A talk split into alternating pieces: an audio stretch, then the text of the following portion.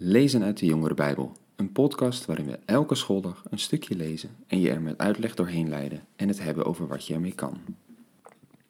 Dag jongens en meiden, goed dat je weer luistert naar een nieuwe aflevering van de podcast.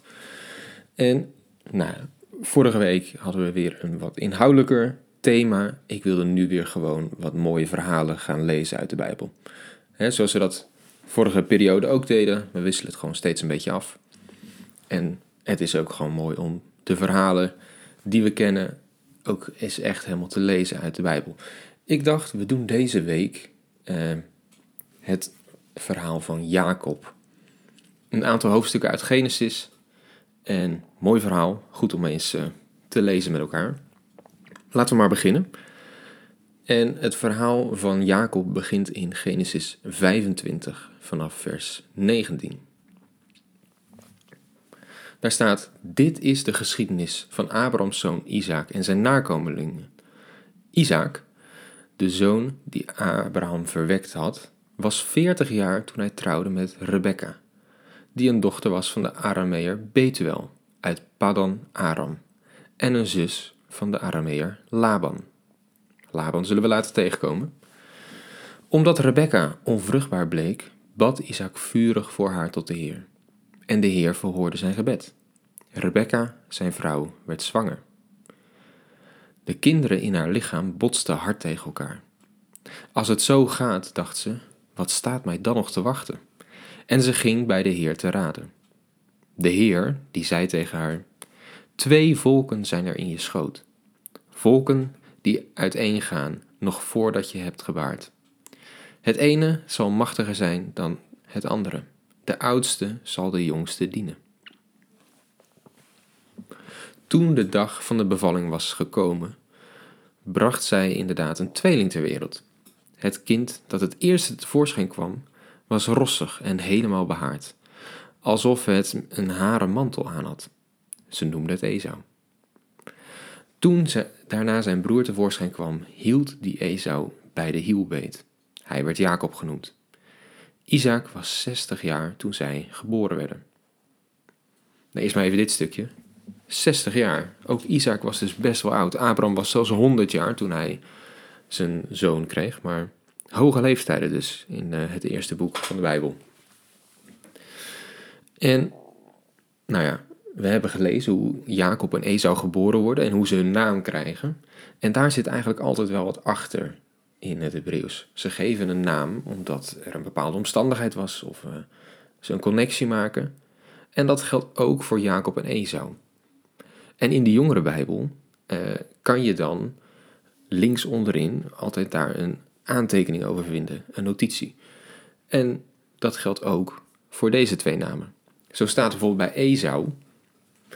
In het Hebreeuws is er een overeenkomst in klank tussen de naam Esau en het woord rood. Eh, en er stond natuurlijk over Esau dat hij als baby al rossig en helemaal behaard was. Alsof hij een soort mantel aan had. dus zij zagen dat, rossig, en daardoor kwamen ze op de naam Esau. Niet rood, maar behaard.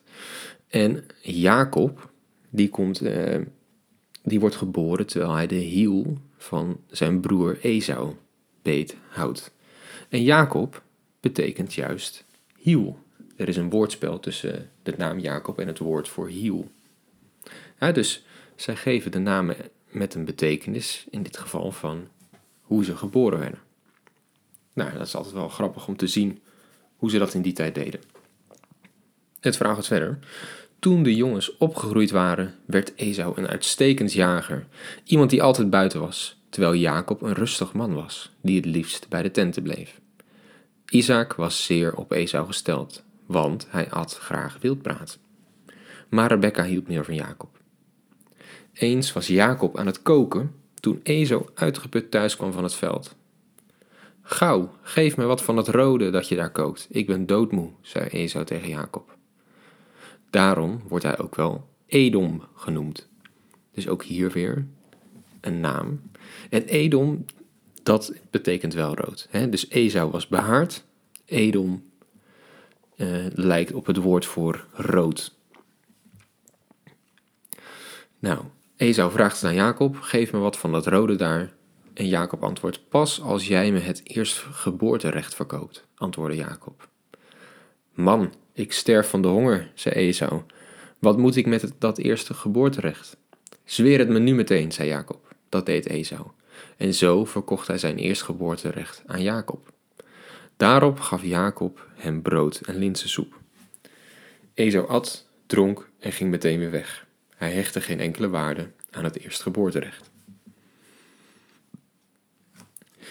Ja, dat is dus ook een belangrijk ding hier in deze, dit verhaal. En eigenlijk wel in meer verhalen uh, in de Bijbel. Het eerstgeboorterecht. Als je als eerste geboren werd in een familie, als eerste man, dan had je een bijzondere positie.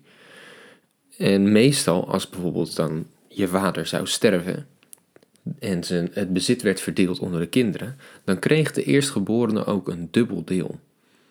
En waarom was dat nou? De eerstgeborene, de eerstgeboren man, daarvan werd verwacht dat hij de familie zou gaan leiden, dat hij het nieuwe hoofd van de familie zou worden en dat hij over iedereen eh, zal waken, dat hij zal zorgen dat het goed met iedereen gaat, dat het goed met de familie gaat. En ja, met zoveel uh, verantwoordelijkheid kwam ook een groot deel van de bezittingen, een groot deel van de erfenis, om dat allemaal te kunnen doen. Dus eerst geboorterecht, dat betekent vaak meer verantwoordelijkheden, maar goed, ook natuurlijk een hogere positie. Dus je kan je wel begrijpen dat dat iets is wat Jacob dan uh, belangrijk vindt. Maar Esau, die uh, ziet daar niet zoveel in. Die vindt dat niet zo belangrijk. En hij verkoopt het hier dus.